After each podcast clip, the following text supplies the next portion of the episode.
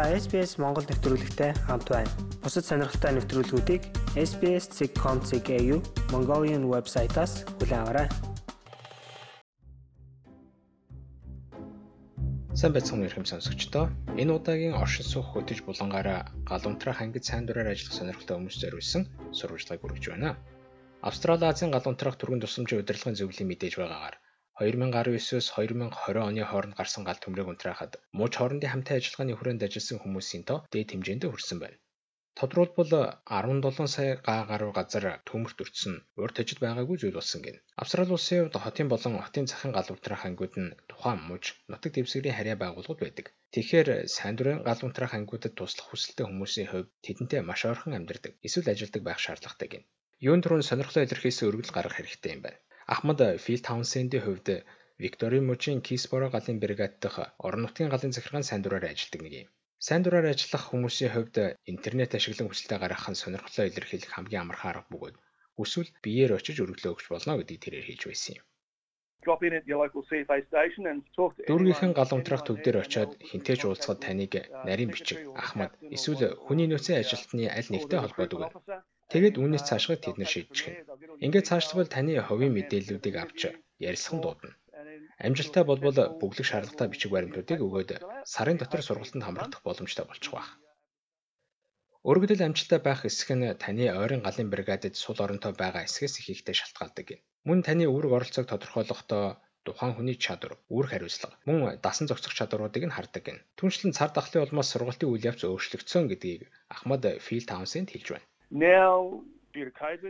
Ямар нэгэн байдлаар ковидын улмаас бид нэр компьютер суурилсан сургалтын модулийг ашиглаж байгаа. Хэрэг үсвэл сургалтандаа гэрээсээ ч хамрагдах боломжтой бөгөөд хүсвэл гал унтраах анги дээр ирээд компьютер ашиглах боломжтой. Ер нь дийлэнхийг нь компьютер дээр хийх боловч практик эзэмшүүлэх шаардлагатай курсууд бас бий. Гал сүнэгчдийн хувьд шуурхай ажиллагааны сайн дурын ажилтан тооцогддог. Харин бусад шаардлагатай оролцоог хангах үеч өөр төрлийн чадвартай сайн дурынхан хэрэгтэй байгаа гэдгийг AFAC-гийн гүйцэтгэх захирал Стюарт Элис хэлж байлаа. Дэмжлэгийн болон захиргааны тал дээр эсвэл радио оператор хамтын ажиллагаа хариуцсан ажилгээд сайн дурын бригад бүрт олон төрлийн ажлууд бий. Тэгэхээр тэдэнд дан ганц шуурхай ажиллагааны гал сүнөгч хэрэг болоод байдгүй гэсэн үг. Ахлах дэслэгч Стюарт Матулесийн хувьд 16 жилийн тэртээ аавынхаа зам мөрийг үргэлжлүүлэн сайн дурын гал сүнөгч болсон юм. Тэрээр соёлын талаас мэдрэмжтэй арга барил ашиглаж байх нь гал унтраах ангиудын хувьд маш чухал гэдгийг хэлж байлаа. Шуурхай ажиллагааны бус ажлуудын хувьд хүү олонд боловсрол олгох, хүү олонны оролцоог нэмэгдүүлэх зэрэг маш чухал ач холбогдолтой үүрэг оролцоотой байдаг. Учир нь урьдчилан сэргийлэх нь улалцах галыг унтраахаас дээр шүү дээ. Ингэхдээ бид сургууль дээр хүүхдүүдтэй яриа, хүү олонны ивэнтүүдээр яриа идэг. Галын авилаас сэргийлэх мессеж түгээхийг таач хийж чадна. Хүү олон зориулсан байгууллагууд тухайн хүү олноо ойлгож байх нь чухал юм. Олон янзын соёл, хүү олноос гаралтай хүмүүсийг авч ажиллуулахыг бид хүсдэг. Учир нь олонлог байдал маань бидний хүч юм. Ахмад Фил Таунсенд ч үүнтэй санал нэгтэй байсан юм. Бидэнтэй хамт өөр хэлээр ярьдаг олон хүн шуурхай ажиллагаанд явдаг. Тэдний хувьд их хэлээр нь ярьдаг хүмүүс төвлөрсөн бүсэд ажиллахад англи хэлээр ярьдаг надаас илүүтэй дэмжлэг болдог. Энэ нь соёлын талаас мэдрэмжтэй байдлаар ажиллахад маш их тийм болдог төдийгүй тухайн хүн олонний оролцоог дээшлүүлж байдаг. Энэ бол гайхалтай зүйл. Үүнээс гадна шуурхай ажиллагааны сайн дөрвийнхэн ч гэсэн бусад төрлийн үүргийг давхар гүйцэтгэдэг болохыг ахлах тэслэгч Стюарт Матулис хэлж байлаа. Бид нэр зам тээврийн ослын газруудад бас ажилладаг. Зарим хүмүүсийн хувьд амьтад аврах зэрэг хөнгөн ажлуудыг хийх нь бий. Жишээ нь өнгөрсөн 7 хоногт л ихэд манай галын анги ус зайлуулах хоолойд гацсан дэгдэхэнүүд аварсан. Ер нь бол янз бүрийн юм хий. Бид нэр хүү олондоо туслахын тулд зөвхөн гал унтраах, өөр өөр автосол, аврах ажиллагаа зэрэг олон төрлийн тусламж үзүүлдэг. Ингэж хүү олондоо тусалцаа үзүүлэх нь оролцооны нэг хэлбэр бөгөөд өөрчлөлтийг авчирч чаддаг. Хоол газар нислэгээр очин ажилладаг хүмүүсийн нэг нь Франц гаралтай хоёр хүүхдийн ээж Виржини Исвуд юм. Тэрээр Квинслендийн Маунт Килкой Сэнди Крикийн орон нутгийн галын ангид сайн дуран гал сөнөгчөөр ажилладаг юм. Би орон нутагт ажилладаг болохоор хүүхэд асрагч авах боломж байдгүй.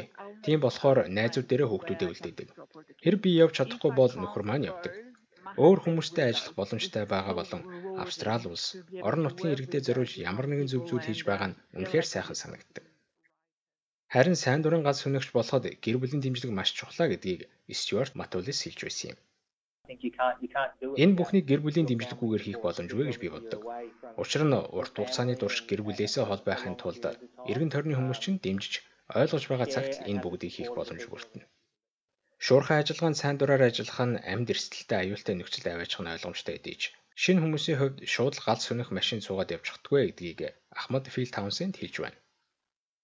What we like to do is once they finish the course Мэдээж хэрэг сурагчтай хэрхэн дасан зохицож байгаа зэргийг хэдэн 7 хоногийн сургуулилтын үеэр харцдаг. Ойн төмөр зэрэг зүйлс гарахад дөнгөж төгссөн хүмүүсээ машин суулгаад аваад явах нь ойлгомжтой. Харин 6-аас 12 сарын хугацаанд дотоод ажлуудтайгаа зурулсан хүнийг бол ойн төмөр унтраах ажилд ажиллах боломжтой болдог.